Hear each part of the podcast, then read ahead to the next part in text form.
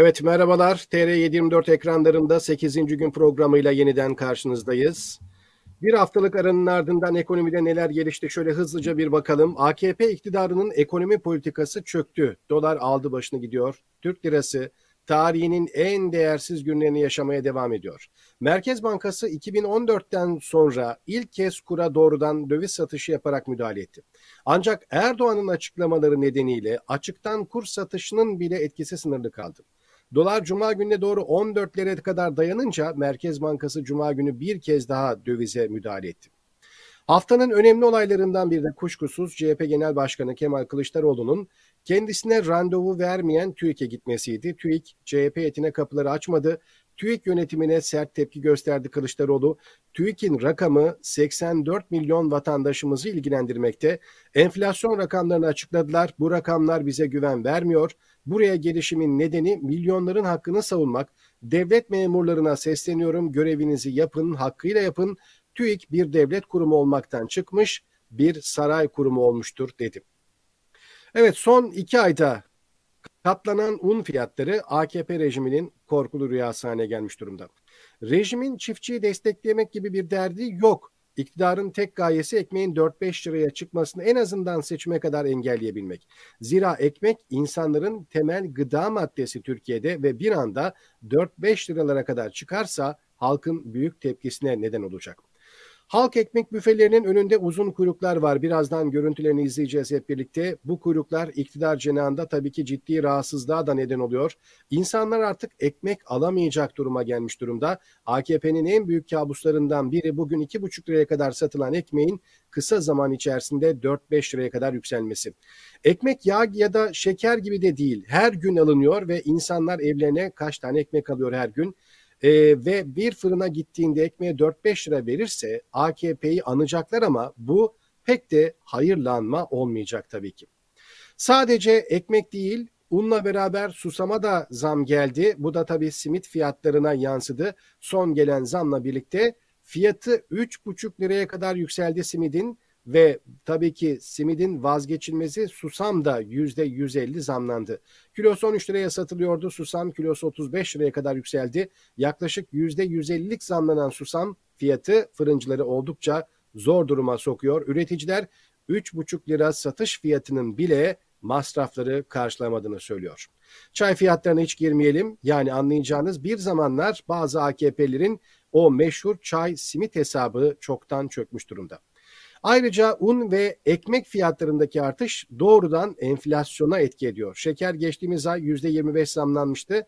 Ayçiçek yağının fiyatı da artık haftalık güncelleniyor. Son dönemde fiyatı en çok artan temel gıda maddelerinden biri de un. 50 kiloluk ekmeklik unun çuvalı 2,5 ay kadar öncesinde 180 liraydı. Geçtiğimiz ay bu fiyat 240'a çıktı. Geçtiğimiz hafta 340 liradan satılıyordu. Bugün aynı unun fiyatının 400 liraya dayandığı söyleniyor. İki ayda una gelen zam %100'ün bile üzerinde. Bu şartlara dayanamayan fırıncılarsa maalesef fırınlarını kapatmak zorunda kalıyor.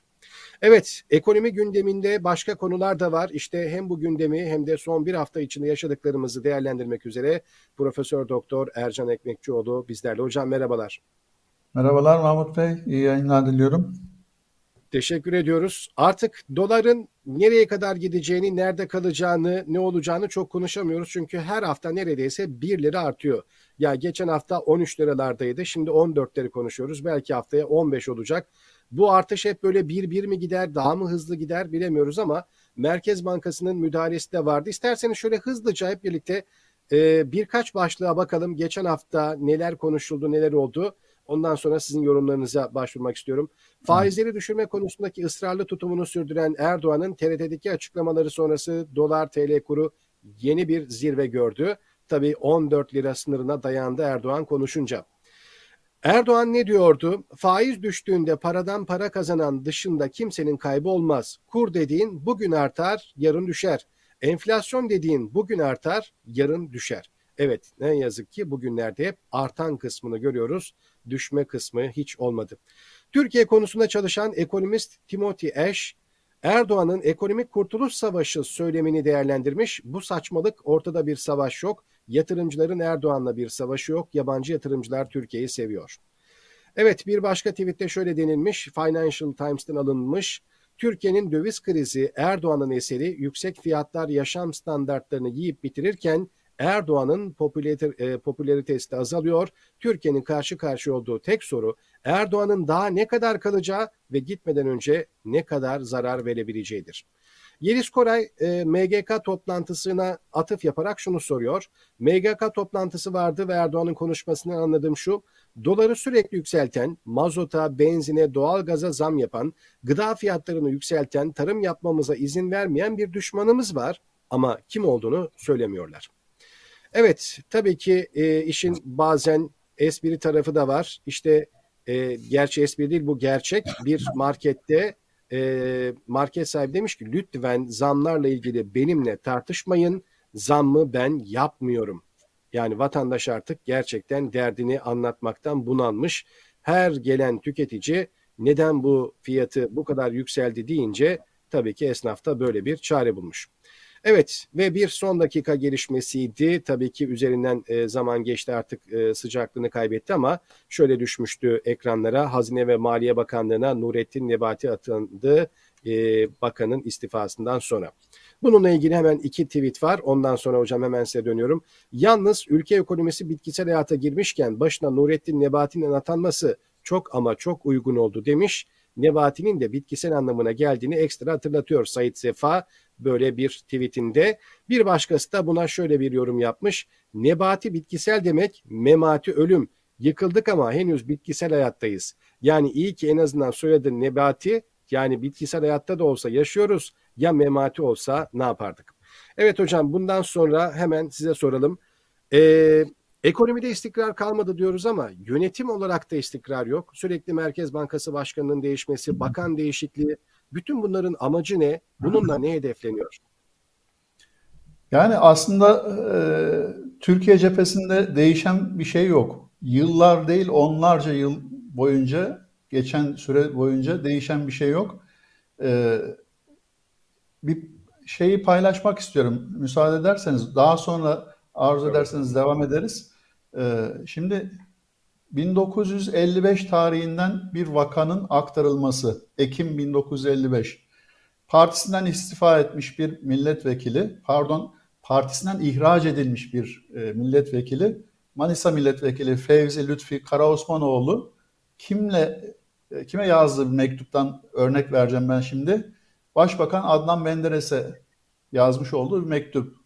Şimdi bunu okuduğumuzda e, net bir şekilde göreceğiz ki aradan onlarca yıl geçmiş olmasına rağmen e, Türkiye'de değişen hiçbir şey yok. Yani siyasal anlamda değişen bir şey yok.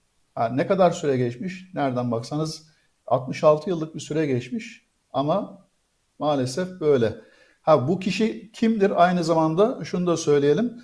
E, 2 Aralık 1951 ile 17 Mayıs 1954 tarihleri arasında İçişleri Bakanlığı yapmış bir milletvekili. E, diyor ki şöyle okuyacak olursak Reis beyefendi ilk günden beri beraber olanlar niçin beraber olmuşlardı? Yani parti tüzüğüne atıf yapıyor burada. Sadece bir adamı, bir zümreyi yerlerinden kaldırıp o yerleri işgal etmek için miydi? Bununla hangi gayeye ulaşmış olacaktık?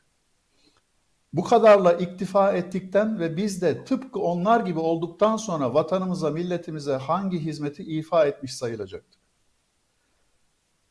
Halbuki bu topraklarda bir şeyleri değiştirmek için birleşmiştik, bir araya gelmiştik.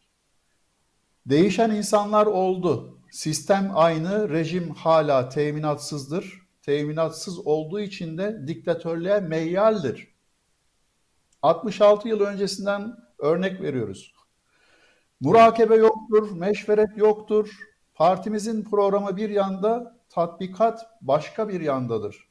Milli davalara prensipler değil, bir tek adam ve onun meydana getirdiği zümre hakimdir. Böyle olduğu için de iktidarı tutmak gaye olmuş ve her türlü fesadı, entrikayı gayenin hizmetinde kullanmak siyasi ve milli hayatımızın yek vasıtası haline gelmiştir. Hürriyet bayrağı ile iktidara gelen parti içinde hürriyet yoktur. Bu hal karşısında idealist partililer şaşkın, millet hayal kırıklığı içinde, üniversiteler hareket yeteneğini yitirmiş, matbuat zayıftır. Geliniz parti olarak, hükümet olarak milletin işlerinin üstüne daha ferah gönülle eğiliniz. Cebir ve zoru benim dediğim olacak zihniyetini ve inadını bırakınız. Demokrat Parti'nin kuruluş prensiplerine dört elle sarılınız, hürriyetten korkmayınız, tek el idaresini bırakınız. Bu e, alıntıyı ben Bir Hürriyet Hikayesi adlı kitaptan Ertuğrul Günay'ın yazmış olduğu almış oldum. E, izleyicilerimizle de paylaşmış olalım. E, başta da dediğim gibi e, aradan 66 yıl geçmiş. Bir umut görülen Demokrat Parti'nin benzer e, yıllar sonrasında, onlarca yıl sonrasında e, AK Parti'nin daha sonra işte AKP'nin geldiği nokta anlamında bir e, şeylerin değişmediğini bize gösteren çok güzel bir örnek oldu diyebiliriz buna. Evet. Dün enteresan bir şey daha oldu. Angela Merkel, Almanya Başbakanı e, veda töreni düzenlendi. E, 2 Aralık itibariyle e, şöyle bir şey ifade etti. Dedi ki, demokrasimiz kendini eleştirme yeteneğiyle gelişir. Diğer birçok ulusta olmayan bizdeki siyasi tartışma kültürü için minnettarım. Evet, e, ekonomide, sosyal hayatta, kültürde e, her şey ama her şey işte bu e, anlayışla, zihniyetle ne yapıyor? E, kendisini gösteriyor maalesef. Tabii bu kültür e, Almanya'ya kolay gelmedi. Uzun, pahalı tecrübelerin bir tezahürü oldu bu. E, karşılığı oldu.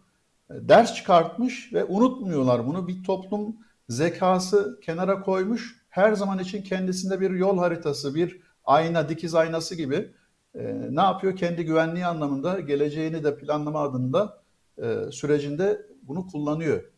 E, espriler güzeldi orada az önce e, yeni atamanın sonrasında e, Sayın Bakan'la ilgili e, maalesef Nebati, memati değişen, evet. değişen bir şey olmayacak. Bakın e, hep güzel örnekti bu yine paylaşılan e, sosyal medyada. E, yarına göre bugün en azından daha iyi esprisi vardı ya. Aynen o şekilde evet. diyebiliriz. E, zaten bakanın e, açıkladığı ilk beyan ortada. E, doğrudan ne yapıyor? E, atıf yapıyor. E, kendisini oraya getiren iradeye atıf yapıyor ve diyor ki o artık ne yapacak diyor. Olayı bana emredecek ben de onu yerine getireceğim. Kaldı ki bakın şimdi e, yine e, Cumhurbaşkanı Erdoğan'ın ifadesi e, bugün diyor ben hala aynı tezi savunuyorum. Buna da inanıyorum. E, faiz sebeptir, netice değildir diyor. Enflasyon bilakis bunun e, şeyidir diyor, neticesidir diyor. E, aslında tam tersi az önceki örnekten de 55 1955'ten örnekten de gördüğümüz üzere e, tek adam rejimi sebep yaşıyor olunan Türkiye'nin bugün itibariyle yaşıyor olduğu yoksulluk, yoksunluk, e, enflasyon, işsizlik ne varsa hepsi de sonuçtur Sonuç. diyebiliriz. Ha, güzel bir evet. şey oldu. E, yine bu hafta bunu önemsiyorum. E, bir umuttur bu. Tavsiye ettiğimiz hep ön plana çıkardığımız bir şeydi. E, Türk Girişim ve İş Dünyası Konfederasyonu, Türk Konfet e, açıklama yaptı. Dedi ki bu zorlu konjektürde ekonomi politikalarının oluşturulmasında ekonomi biliminin açıklayamadığı yöntemler kullanılması belirsizliği arttırıyor dedi.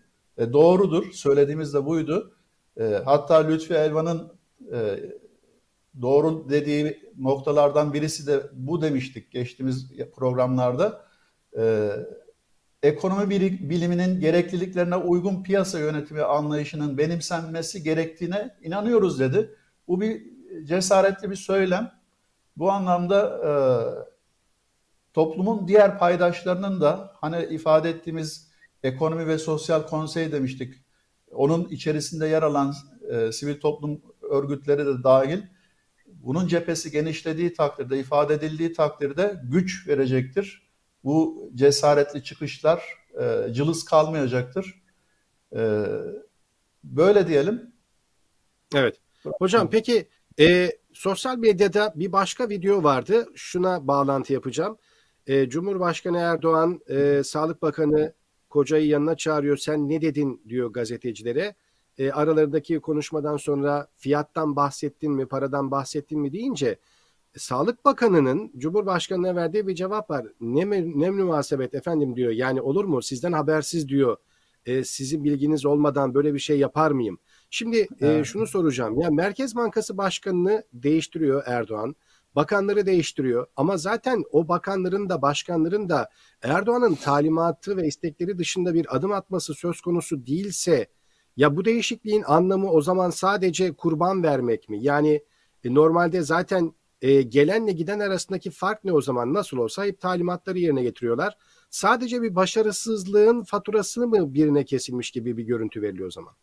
E, yani algı demiştik hep e, yapılanlar hep algıdan ibaret. Bizim için belki bu hemen anlaşılabilir bir gerçeklik, durum. Ama e, maalesef AKP'nin e, sosyal tabanına baktığımızda bu ciddi makes buluyor. Bu söylemler ciddi makes buluyor. E, dolayısıyla e, yapılanlar onların cihetiyle, onların e, yönünden doğru diyebiliriz. E, enteresandır yani e, zaten bakanın ayrıldığı eski e, sabık bakanın ayrıldığı andaki yüzüne vuran neşesi e, nasıl bir zor süreçten kurtulduğunun e, evet. örneği, güzel bir şeyi aslında e, bize. Ya zararın neresinden dönsek kardır herhalde bakışı ya var. Kendi şahsını kurtarma adına bir sevinç içerisinde e, Sayın Alvan. Evet öyle. E, çünkü e, o da bilincindeydi, o da farkındaydı büyük bir ihtimal yaptığı işlerin yanlışlığının ter, ters olduğunun. Çünkü geçmişi e, önemli bir bürokrat, e, tecrübesi var olan birisi. E, şaşkınlığımız bizim hep şeydi, e, nasıl bunu tahammül ediyor, nasıl bunu devam ettirebiliyor? E, acaba ne var ki böylesine e, sürdürülebilir bir noktada tutmaya çalışıyor ilişkileri diye düşünüyordum ben şahsen. Ha bu bir şey oldu. Evet enteresan e, istifa dahi edemiyorlar bugünkü bürokratlar artık günümüz Türkiye'sinde. E, 1955'ten az önce örnek vermiştik. E, istifa etmiş arkasından da bir muhtıra tarzı, kişisel muhtıra tarzı bir metinle başbakana cevap vermiş. E, bir milletvekili örneği var karşımızda ama bundan öncekiler de e, son olarak Lütfi Elvan da e, aynı şekilde affını istedi. Affı bir yönüyle kusurun da kendisinde olduğunun e, beyanı gibi oluyor aslında. İstifa etmiş olsaydı kusur karşı tarafta kalacaktı diyebiliriz. Şimdi evet. önemli bir şey var. Yani dünyanın Nobel Ekonomi Ödülü almış iktisatçılarından birisi Robert Lucas var. E, onun tespitlerinden bir tanesi şu. E, 1990 tarihli yayında zengin ülkelerden fakir ülkelere sermaye neden akmıyor diye bir çalışması var. Meşhur çalışması var. Ee, ve orada ifade ettiği şey marjinal verimliliğin çok düşük ol, yüksek ol, pardon marjinal verimliliğin düşük olduğu zengin ülkelerden diyor marjinal verimliliğin daha yüksek olduğu yüksek e, pardon yoksul ülkelere e, niçin bu zenginlik akmıyor, sermaye akmıyor? modelliyor neoklasik teoriye göre. Diyor ki bugün itibariyle eğer bu sözünü ettiğimiz şey gerçekleşmiş olsaydı diyor e, bir Amerika'dan diyor Hindistan'a sermaye akışı diyor hızlı bir şekilde 58 kat belki söz konusu olacaktı diyor e, Amerika'dan Hindistan'a. E, bunun olmaması için diyor onu da inceliyor söz konusu yayınında ifade ediyor. Diyor ki burada en büyük temel sebep diyor akmaması e, zengin ülkelerden yoksul ülkelere bu sermaye birikimlerinin e, üretim yapılarındaki temel farklılıklardır diyor. Nedir onlar? İşte hükümet politikalarıdır, kurumsal yapıdır, e, nitelikli ve yetenekli iş gücü meselesi gibi. E, aynı zamanda da sermaye piyasalarındaki eksikliklerdir diyor. Ülke riskleri bu kategoride ele alınıyor. Asimetrik bilgi yine bu kategoride ele alınıyor. E, baktığımızda bugün itibariyle CDS Türkiye'nin 500'ün üzerine çıktı. Bu ciddi anlamda e, hep söylediğimiz nokta e, kırılganlığı arttırıyor, güven unsurunu zedeliyor, e, halel getiriyor ve e, yatırım yapılamaz noktada tutuyor. En evet. fazla ihtiyaç duyduğu sermayeyi, parayı en pahalı alabilecek durumdayken bile bu keyfiyetten uzaklaşmasını netice veriyor. Evet. Hocam birkaç başlık daha var. İsterseniz kısa kısa böyle e, hemen yorumlarla onlara da bakalım. Bunlardan bir tanesi Merkez Bankası'nın dövize müdahalesiydi. E, çok uzun zamandan beri müdahale etmiyordu. E, yıllar sonra müdahale gerçekleşti ve bu müdahalenin büyüklüğünün yaklaşık 1 milyar dolar olduğu söylendi. Bu rakam nasıl sizce? Yani yastık altında Türkiye'de 500 milyar dolardan bahsedilirken döviz ve altının ya 1 milyar bu yangının ateşini söndürmek için yeter mi? E, ki zaten bu sorunun cevabını da gördük. Yetmedi ki yine hafta sonunda 14'lere tırmanınca bir kez daha müdahale etmek zorunda kaldı. Evet yani kesinlikle yetmez. Sözünü ettiğimiz ettiğiniz o rakamlar e, yine geçtiğimiz hafta söylediğimiz bir şey vardı. Olgu vardı. Kumsala bir bardak su dökmek gibi bir şey yani. Evet, Niye? Var ee, gidiyor. İnanılmaz derecede bir güvensizlik var. Ee, maalesef gidişat, uygulamalar, yani politikadan bahsetmek mümkün değil. Çünkü politika belli bir vadede vadeyi içerir, belli amaç ve gayeyi içerir. E, baktığımızda hiçbir şeyin şeyi yok. Yani bu anlamda elle tutulur bir tarafı yok. Bu da zaten güvensizliği oluşturan en önemli faktör. E, bugün itibariyle baktığımızda e, neyi görüyoruz? İşte uluslararası kredi derecelendirme firmalarından birisi Fitch, Türkiye'nin e, görünümünün negatife çevirmiş oldu. Zaten en alt noktadaydı. E, yatırım yapılamaz kategorinin en altındaydı. E, negatife dönmüş olmasıyla artık aşırı spekülatif yapısını e, çok daha böyle şey noktaya taşımış olacak, e, riskli tarafa taşımış olacak. E, alta daha düşme riski var, C kategorisine düşme riski var. E, ondan sonrası zaten çok daha hızlı yürüyecektir, yol alacaktır. Evet. Onun bir ilerisi de iflas demektir zaten. E, maalesef o noktaya taşıma e, seyri içerisinde istikrarlı bir şekilde Maalesef. gidiyor. Yani şimdi Maalesef. Merkez Bankası'nın bu faaliyetleri e, keşke e, daha böyle görülür bir şekilde geçmişte yapılmış olsaydı e, bunu ne yapabilirdik? E, kabul edebilirdik, düşünebilirdik, diyebilirdik ki e, bu e, bir şeffaf uygulamadır.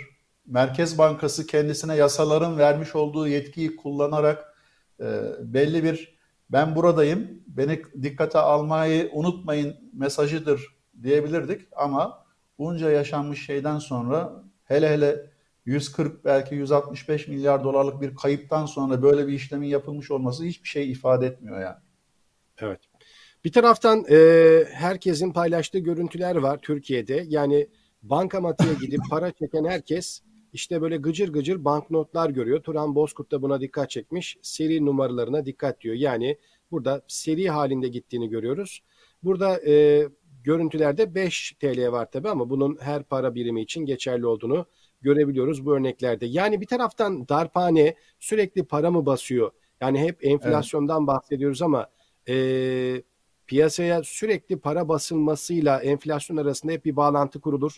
Bununla ilgili birkaç cümle söylemek ister misiniz? Çünkü ENAK tarafından yapılan araştırmaya geçeceğim daha sonra.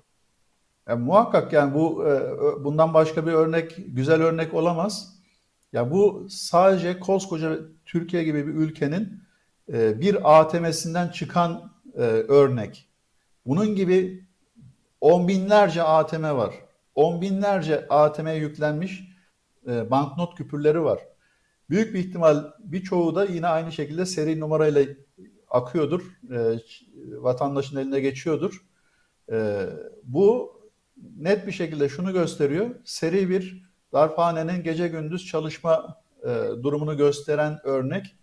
E, tabii e, piyasanın ihtiyacı olduğu ölçekte e, para basılıyorsa e, bunu e, destekleyecek miktarda bir emisyon söz konusuysa bunda bir beis yok belki ama e, piyasanın gerçekleri ortada. Yani üretimin olmadığı, üretimin sıkıntılı bir süreç içerisinde bulunduğu bir ülkede e, bu şekilde paranın e, gücünün var olduğu bir tarzda basılıyor olması iddiası komik olur.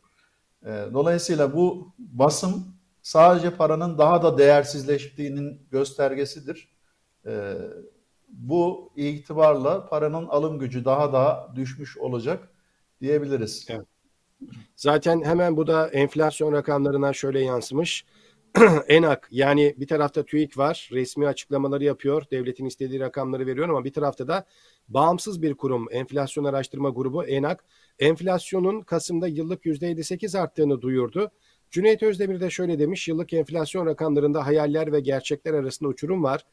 TÜİK'e göre yani Cüneyt Özdemir şöyle bir benzetme yapıyor. Türkleri üzmeme ve incitmeme kurumuna göre enflasyon 21.31 ama enflasyon araştırma grubuna bu rakam göre bu rakam 58.65. Bir yanda hayaller, bir yanda gerçekler. Özür diliyorum. E bir tarafta da e, isterseniz başta da belirttik. Bununla ilgili de belki e, yorum yapmak istersiniz. TÜİK'ten randevu istedi Kılıçdaroğlu. E, TÜİK tarafından halka açıklanan rakamlara kimsenin güvenmediğini, oraya da görüşmek istediğini söyledi ama randevu alınmadı. Kalktı gitti. TÜİK'te tabii e, kapıda geri çevrildi ve bu da hiç bir hoş bir görüntü değil. Bir ülkenin ana muhalefet lideri bir resmi kurumdan e, randevu istiyor, talep edilmiyor, e, verilmiyor, kabul edilmiyor. E, gittiği zaman da böyle bir muameleyle karşılaşmış. E, İçişleri Bakanı da mekan basmaya gitmekten bahsediyor. Böyle bir benzetme yapmış. Gerçekten siyasetin geldiği durum noktada e, belki bunlar e, çok şaşırtıcı değil ama enflasyon rakamlarında 58'leri 60'lara gelmek hep böyle e, her hafta konuştuğumuz hiper enflasyon diyoruz ya 3 haneli rakamlar. Yavaş yavaş oraya doğru adım adım geldiğimizi mi gösteriyor? E, muhakkak öyle. E, şimdi şeye baktığımızda karşımıza çıkan e, durum zaten e, o. E, tekraren söyleyecek olursak e, bugün itibariyle dünyanın bir gerçeği haline geldi enflasyon. E, dolayısıyla Türkiye'de de enflasyon dünyada var, bizde de onun için artıyor söyleminden uzak bir görüntü var aslında. Bunun sebebi e, genel itibariyle e, maliyetlerin artan o maliyetlerin üretim maliyetlerinin e, gerçek anlamda piyasa fiyatlarına yansıtılmamış olması. TÜİK zaten onun, onun için inandırıcılığını kaybetmiş durumda. Bakın e, Avrupa Birliği'nin e, geçmişte yaşanan bir örneğiydi bu. E, Yunanistan meselesi. Yunanistan ekonomik iflasa nasıl geldi, nasıl ulaştı? E, en önemli sebep e, istatistik, Milli İstatistik Kurumu'nun e, yanlış evrak hazırlamış olmasından kaynaklanıyor. Artık öyle bir noktaya geldi ki e, Eurostat e, şeyi almadı, almamaya başladı. E, istatistik verilerini almamaya başladı Yunanistan'dan. Dedi ki ya e, gözetimimizde olacak bir değerleme yapacaksınız ya da sizin doğrudan kendinizin gönderdiğiniz yani bakın egemenlik noktasına artık şey var, e, el uzatma var. Neden kaynaklanıyor bu? İtibarsız olmasından kaynaklanıyor. E, belki ana muhalefet partisi başkanının e, TÜİK'e gitmiş olması e, gerçek anlamda bir şey olsaydı e, orada kabul görmüş olsaydı girebilselerdi, oturabilselerdi, konuşabilselerdi bu itibar erozyonunun, güven sorununun e, önünü belki kesebileceklerdi bir nebze. Ama e, sanki e, karı veya buzu alıp ocağın üstüne koymak gibi bir komik duruma getirdiler olayı. E, TÜİK gibi bir kurumun artık e, bütün dünyanın baktığı e, şeylerin, istatistiklerin kaynağı, merkezi e, böylesine saçma bir refleks göstererek e, şeffaf olması gerekiyorken ya bakın yerli milli diyorsunuz siz ülkenizin ana muhalefet partisi başkanını, genel başkanını kapıdan içeriye sokmuyorsunuz. Neyi gizliyorsunuz o zaman? Kendinize güveniniz yoksa eğer e, bu kamuoyuyla paylaştığınız verilerden şüpheniz yoksa e, bu e, kaçamak davranışınızın sebebi ne o zaman diye düşünebilirsiniz. Sorabilirsiniz. Evet. Yani bu anlamda e, Kılıçdaroğlu'nun yapmış olduğu e, gayret belki bir yönüyle kabul edilebilir, e, alkışlanabilir bir şey, tavır. E, neden? E, itibarını kurtarmaya çalışıyor kurumun. E, halkı geçelim uluslararası çevrelere, e, muhataplara en azından bu anlamda bir e, rahatlatıcı bir şey vermek istiyor, mesaj vermek istiyor. Bunu da yerli ve milli iddiasında bulunan iktidar kendi elleriyle şey yapıyor, hakim bırakıyor. E şimdi bugün itibariyle açıklanan rakamlara baktığımızda zaten komik e, tabloyu yine kendi paylaşımlarıyla görmüş oluyoruz. E, bir önceki ay 19.82 idi yüzde e, tüketici fiyat endeksi. Bu ay geldiğimiz nokta 21.31.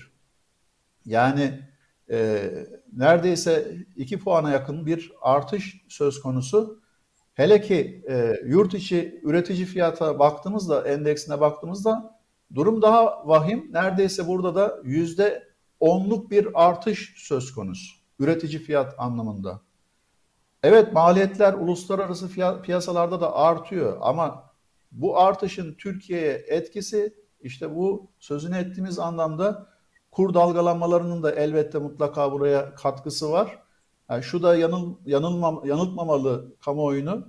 Daha bu Kasım, veri, Kasım verileri, Kasım ayının verileri, istatistik verileri TÜİK tarafından açıklanan resmi veriler e, tas tamam bize yansıyacak bir yansımış veya etkilerini yaşıyor olduğumuz şeyler değil. Durum değil. E, baktığımızda e, ortalama dolar kurunda e, Ekim ayında e, 9'lardaydı. Kasım ayında 10'lar oldu. E, bugün itibariyle cari kura baktığımızda 14'lere 14'ler aralığında geziyor. E, dolayısıyla evet. bütün bu e, kur farkı sipariş ve fiyatların güncellemesi ne yapacak? Belli bir zaman sonra karşımıza çıkacak. Bu kurun etkisi e, belki 2022'nin ilk aylarında biz net bir şekilde göreceğiz. O zaman şu gördüğümüz rakamlar çok çok daha e, kötü hale gelmiş olacak ve onun etkileri ister istemez e, hem ekonomik dengeyi daha da bozacak hem enflasyon anlamında sözünü ettiğiniz o hiper noktaya taşımış olacak. Yani e, maalesef e, bugün hep yarından daha iyi noktasında olmuş oluyor Türkiye bu anlamda. Evet. Hocam bir bak e, birkaç başlığımız daha var. E, onlara da hemen bakalım. Sonra birkaç gündem daha var işlemek istediğimiz. Bunlardan bir tanesi madem yüzde 21'lerde TÜİK'e göre enflasyon neden yeni yıldaki zamlarla ilgili vergi, ceza ve harçlara yüzde 36.20 bir zam var? E, böyle bir tepki vardı. Sonra ekmeklik buğday fiyatı rekor kırdı şeklinde haberler gördük ki az önce girişte de unla ilgili aktarmıştık. Ee, bir başka haberde un fiyatı %90 arttı. Niğde'de un alamayan 6 fırın kapandı deniyor. Bu sadece Niğde'de bir belki örnek. Türkiye'nin birçok yerinde benzer haberler geliyor. Türkiye'nin değişik yerlerinden geçinemiyoruz eylemlerinin arttığını görüyoruz. Ankara'da böyle bir eylemde 17 kişi gözaltına alındı. Trabzon'da yani bu Trabzon belki biraz daha önemli bir yer. Çünkü Trabzon ve Rize özellikle Erdoğan'ın AKP'nin çok güçlü olduğu yerler arasında da orada bile hükümet istifa sloganlarını artık atıldığını duyuyoruz. Ee, geçen haftalarda e, geçen hafta daha doğrusu sizin e, bahsettiğiniz çok önemli bir konu vardı. Tarımda gübre konusu. Gübreye gelen zamlarda Almanya'nın nasıl bir çözüm sunduğunu çiftçilerin e, örneklerle, kendi çektiğiniz fotoğraflarla göstermiştiniz. Hemen bu konuyla ilgili bazı gelişmeler olunca bunu da aktarmak istedim. Türkiye'de zamlarla baş edemeyen birçok çiftçi bu sene gübre kullanmadan ekim yaptı. Peki bu ne anlama gelecek? Ee, 16 aylık sürede gübreye 37 kez zam gelmiş. Üstelik son zam tam da çiftçilerin ekim yaptığı döneme denk geliyor. Yeni zamlarla birlikte taban gübresi denilen ve ekim sırasında kullanılan DAP gübrenin ton fiyatı 16 ayda 2200 liradan 11 bin liraya yükselmiş. Bahar aylarında kullanılan üre gübrenin ton fiyatı da 16 ayda 1800 liradan 13 bin liraya yükselmiş. Yine baharda kullanılan cam gübrenin fiyatı 1000 liradan 8 bin liraya yükselmiş. Yani 1-2 aydan 1-2 kattan bahsetmiyoruz. Bakın neredeyse 10 kat ve daha fazlası artışlar var. Ve şöyle diyor e, tabii ki çiftçiler, geçen sene kuraklık yüzünden 500 bin lira zarar ettim demiş bir çiftçi. Bu sene de böyle olursa borçları ödemek için mecburen tarlayı satacağız. Çiftçi ekonominin bel kemiğidir diyorlar. Halbuki çiftçinin bel kemiği kırıldı. Hiçbir şeyimiz kalmadı. Ve bir başkasının uyarısı var çiftçinin. Ürün fiyatları çok yükselecek. Yani biz şu an iyi günlerimizi yaşıyoruz. Önümüzdeki yıl zam üstüne zamlar göreceğiz. Yani tüketici pazara gittiğinde eli boş çıkacak. Ekmek fiyatı benim tahminlerime göre minimum 5 lirayı görecek. Zaten tüketicinin alım gücü yok. Alım gücünü yükseltme yönünde bir adım atılmıyor. Çiftçi zaten bitti. Önümüzdeki sene tüketici feryat figan edecek. Evet bununla ilgili zaten geçen hafta ayrıntılı e, anlatmıştınız ama bunun üzerine yine birkaç cümle bir şey söylemek ister misiniz hocam? Şimdi şöyle e, aslında e, Türkiye'de gelir dağılımı meselesi de göz ardı edilmemesi lazım. Tamam cari kur yükseliyor, enflasyon var. E, bir de bu gelir dağılımı meselesi önem arz ediyor. Sizinle gö size göndermiş olduğum Almanya'dan bir örnek vardı. Onu ekrana getirebilirseniz. Şimdi bakın burada net görünen bir şey var en alt e, ortanın değil bakın en alt e, gelir grubu 1500 euro ile 3000 euro arasında oluşuyor. E, ortanın bir altı 2000 ile 4000 euro arasında. Orta grup 3000 euro ile 6000 euro arasında. Diğerleri artık yüksek gelir grubu oluşturuyor. Bir sonraki grafiğe geçersek daha net göreceğimiz bir şey çıkacak karşımıza, tablo çıkacak. Evet, şimdi bakın 1995'teki Almanya ile 2018 Almanya'sı arasındaki gelir dağılımındaki e, şeyi görüyoruz, etkiyi görüyoruz karşımızda. Belki en alt maaş grubunun 5 puanlık bir artışı söz konusu olmuş. Arada geçen bu kadar tarih e, yıl içerisinde. E, şimdi Türkiye gerçeğine geleceğiz buradan. E, evet, Almanya'da 5 puanlık bir en alt gelir grubunun artışı söz konusu. Ama bakın 2011'den bu yana sadece sadece Suriye vatandaşlarından Almanya'ya gelmiş olan göçmen sayısı, iltica etmiş göç, kabul edilmiş göç sayısı 900 bine yakın. Bu da aynı zamanda işte Almanya niçin göçmen almıyor veya mülteci almıyor diyenlere bir cevap olsun. Resmi siteleri var. Oradan bakıp görülebilir. E, sadece Suriyeli olarak alınan e, iltica edilmiş etmiş kişi sayısı 900 binden az değil Almanya'da.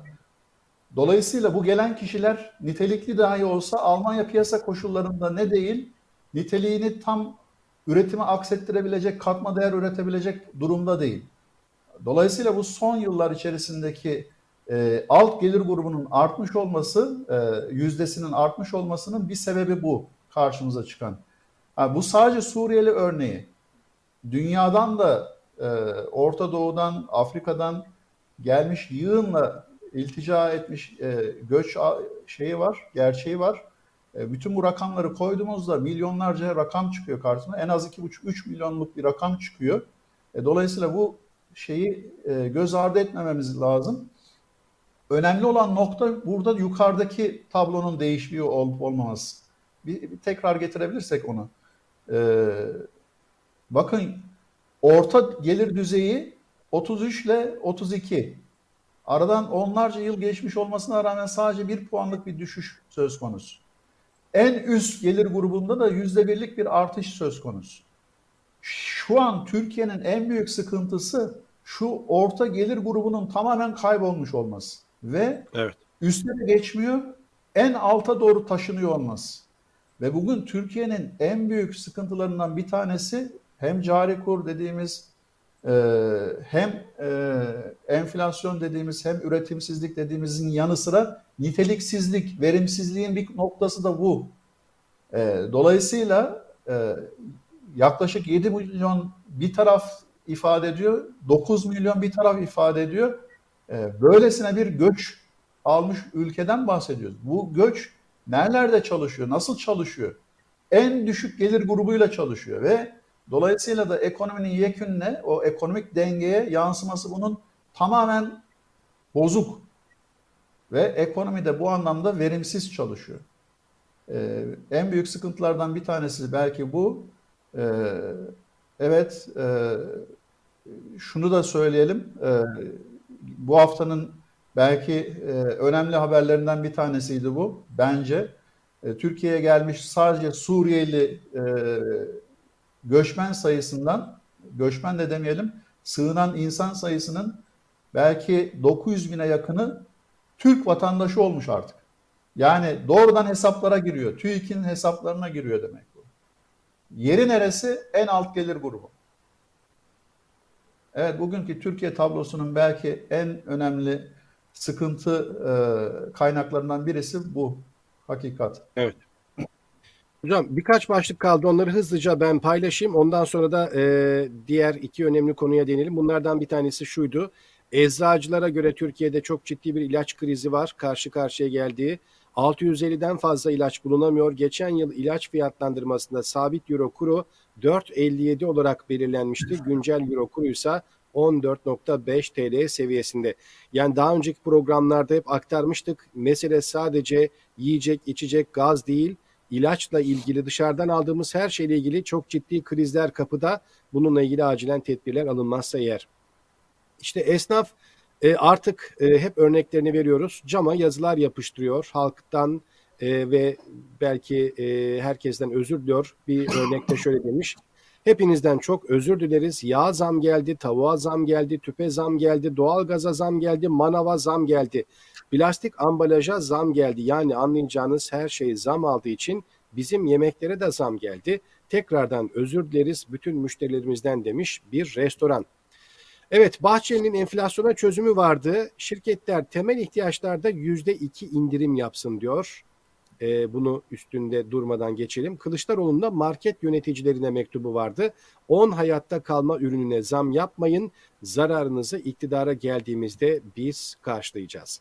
Bu arada tabii ki bir gelişme daha oldu. Doların e, artışına bağlı olarak Türkiye'de asgari ücret bugün itibariyle Arnavutluğun da gerisine düşerek Avrupa Birliği üyeleri ve aday ülkeleri arasında en düşük seviyeye geriledi. Hocam iki başlıktan biri şuydu e, sormak istediğim. Özer Sancar'ın bir tweetinde gördük. Son günlerde hükümetten gelen açıklamalar topyekun bir seçime gittiğimizi gösteriyor. İktidar seçimi mutlaka kazanma gayreti içine girmiş görünüyor. Muhalefet ise seçim sonuçları ile ilgili olarak aşırı iyimser görünüyor. Ekonomi yönetimiyle seçim yönetimi farklıdır. Ümit Özdağ'ın ilginç bir çıkışı vardı. Dikkat çekmek isteyen isimlerden biri siyasette son dönemde vatandaşlık alan Suriyelilerin ilk 10 sene oy kullanamaması için yasa teklifi vereceğiz diyor. Biraz hazır e, o 900 bin Suriyelinin TC vatandaşlığına, Türkiye Cumhuriyeti vatandaşlığına geçişi, e, biraz e, Ümit Özdağ'ın sözleriyle Suriyelilerin oy kullanmasıyla birlikte bu erken seçim tartışmaları, ittifak tartışmaları e, bir taraftan son e, kaz devam ediyor. Suriyelilerin oy kullanması ile ilgili tartışmalarını da görüyoruz. Sizin erken seçim konusundaki düşünceniz ne? Yani bu tarafta e, tabii hep e, belki iktidarın e, pozisyonunun ötesinde muhalefetin durumu dikkate haiz. E, orada aşırı iyimserlik havası var. E, birazcık da yelkenin şişmeye başlamış olmasının bir etkisi bu. E, rüzgar iyi esiyor, yelkenler şişiyor. E, tabii bunda ekonomik gidişatın da etkisi e, göz ardı edilemez. Ama e, geçmiş bir sabıkası var e, AKP'nin. E, kaybettiği bir seçimde yani iktidarı resmi bir şekilde geride e, kurucu bir parti o pozisyonunu kaybettiği bir durumda e, bahanelerle istikşafi görüşmeler dendi, şu dendi, bu dendi e, zamanı oynanarak e, ne yapılmış oldu? O iktidar gücü kaybettirilmemiş oldu. Ee, arkasından bir tekrar seçim havası oluşturulduğunda da ne yapıldı? Herkes biliyor zaten bu noktayı. Ee, tekrar iktidarı elde etmiş oldu. Daha yüksek bir oy oranıyla. Şimdi burada e, iktidar aynı şeyi mutlaka şey yapacaktır tekrar e, uygulamaya koyacaktır. E, şimdi e, bu tarz e, fiyatların indirilmesi yok şu bu e, bunlardan ziyade aslında keşke e, muhalefet partileri ana muhalefet partisi devlete şunu söylemiş olsaydı yani deseydi ki e, sizin bu tarz e, tüccarlardan, kobilerden alacağınız vergi oranlarını düşünün veya işte şu şu teşvikleri oluşturun. Değilse bu insanlar zaten işletmeler zaten e, yığınla vergiyle karşı karşıya muhatap halindeler. Onun üstüne bir de e, ne olacağı belirsiz. Bakın hep söylediğimiz bütün programlarda bu. Aşırı belirsizlik var Türkiye satımında. İnanılmaz bir belirsizlik var. E, bu belirsizlik birileri için belki zarar oluşturuyor olsa da, yekün için zarar oluşturuyor olsa da birileri için de inanılmaz fırsatlar getiriyor. Çok kıs, dar bir kesim içinde inanılmaz fırsatlar getiriyor. E, dolayısıyla e, uluslararası paydaşlar demiştik, özellikle söylemiştik bunu. E, ne yapmak lazım? Belki bu tarz e, söylemlerin içerisinde yer etmesini, desteklemesini sağlamak lazım. E, yasal partiler neticede bunlar. E, uluslararası e, üye oldukları örgütler var, organizasyonlar var. Bu organizasyonların, örgütlerin Türkiye'deki e, bu tarz gidişatla ilgili bilgilerinin artırılması, bilgilendirilmeleri katkı sunma ihtimallerini de yükseltecektir. O da ayrı bir kalıcı, istikrarlı bir e, güvenli bir seçim ortamına taşıyacaktır diyebilirim. Aksi takdirde e, hele hele gelişen teknolojinin de etkileriyle e, veri kaynağı dediğimiz e, nüfusun yekününe ait bütün bilgilerin e, iktidarın elinde olduğu ve hoyratça bunu çok rahat ve e, ne diyelim ahlak dışı kullanması sonucu da ortada, gerçeği de ortada. E, dolayısıyla benzer şeyleri bu önümüzdeki seçimde her ne kadar ekonomik realiteler söz konusu olsa dahi e, ne yapılabileceği, yelkenlerin yırtılabileceği, o şişirme, şişmiş yelkenlerin rüzgarını kaçırabileceği ihtimali de göz ardı edilmemesi lazım. Bu hoyratlığın en önemli örneğini aha e, TÜİK'in kapısında e, bekletilmiş, evet. içeriye kabul edilmemiş bir ana muhalefet partisi gerçeğiyle yaşamış oldu Türkiye. Evet. Hocam e, bir başka başlık belirlemiştik ama devam etmek ister miyiz? Yoksa bugün e, bu programı e, enerji konusunda, enerji fiyatları konusuna girmek ister misiniz? Bir başka programa e, saklayalım mı? Size fikrinizi sorarak ee, ona göre yavaş yavaş. Şö, şö, şöyle yapalım. Ee, evet bir diğer programa aktaralım çünkü orada çok önemli e, şeyler var, fırsatlar var. E, Türkiye gerçeğinde dikkate alınması gereken e, bunları yeni bir programda e, kendi saati içerisinde alsak daha mantıklı olur diye düşünüyorum. Ya yani şu an tamam. Ee, geçtiğimiz programlarda söylediğimiz bir şey daha vardı. Mesela e, neyden örnek vermiştik? E, GAP projesinden örnek vermiştik. Verimsizlik dediğimiz nokta e, şu yönüyle de karşımıza çıkıyor. Ben şimdi o projenin şeyini inceledim. Geldiği noktayı inceledim, baktım. Bir iktisatçı olarak ya şu an itibariyle, bakın şu an itibariyle yaklaşık bir aydır benim bütün bilgisayarlarımda, ofis bilgisayarlarında da, ev bilgisayarlarında da Windows 11 çalışır vaziyette. Windows 11'i kullanıyorum şu an. Türkiye'nin göz bebeği, inci tanesi dediğimiz e, GAP e, yayınladığı resmi raporunda e, gördüğüm dikkatimi çeken bir şey hala bütün işletim sistemleri Windows 7 seviyesinde. Windows 7 seviyesinde. Bakın 11'den bahsediyorum. Gelinen nokta. Evet. Windows 7 seviyesinde. E, dolayısıyla e, teknolojik yeniliklerin, zamanın getirdiği fırsatların e, böylesine önemli bir projenin içerisinde görünür olmamış olması dahi çok güzel bir örnek aslında verimsizliğin ne düzeyde olduğuna. Ee, enerji anlamında da yine buna benzer bir verimsizlik yaşıyor Türkiye. Ee, inanılmaz bir verimsizlik yaşıyor. Bu olmuş olsaydı belki e, ciddi anlamda enerji ihtiyacını bu tabii kaynaklar üzerinden e, karşılayabilecek bir pozisyon oluşturmuş olacaktı. Bunu bir diğer programda işleyebiliriz. Ee, Öyle yapalım hocam. Vakti de e, tasarruflu Güzel. kullanmak adına. Çünkü biraz uzun bir konu. E, vatandaşta kış geldi. Artan enerji maliyetleriyle beraber doğal gaz faturalarında şu anda gözü herkesin. E, çok Evet. önemli bir konu. Onu haftaya bırakalım. O zaman yavaştan toparlayalım. Çok teşekkür ediyoruz. Haftaya Ben tekrar teşekkür görüşmek dileğiyle. E, vatandaşın elindeki paranın ne kadar hızlı değer kaybettiğini temsilen çok kısa bir animasyon var.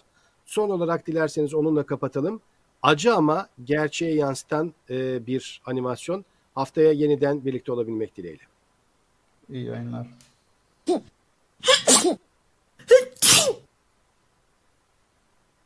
Hey,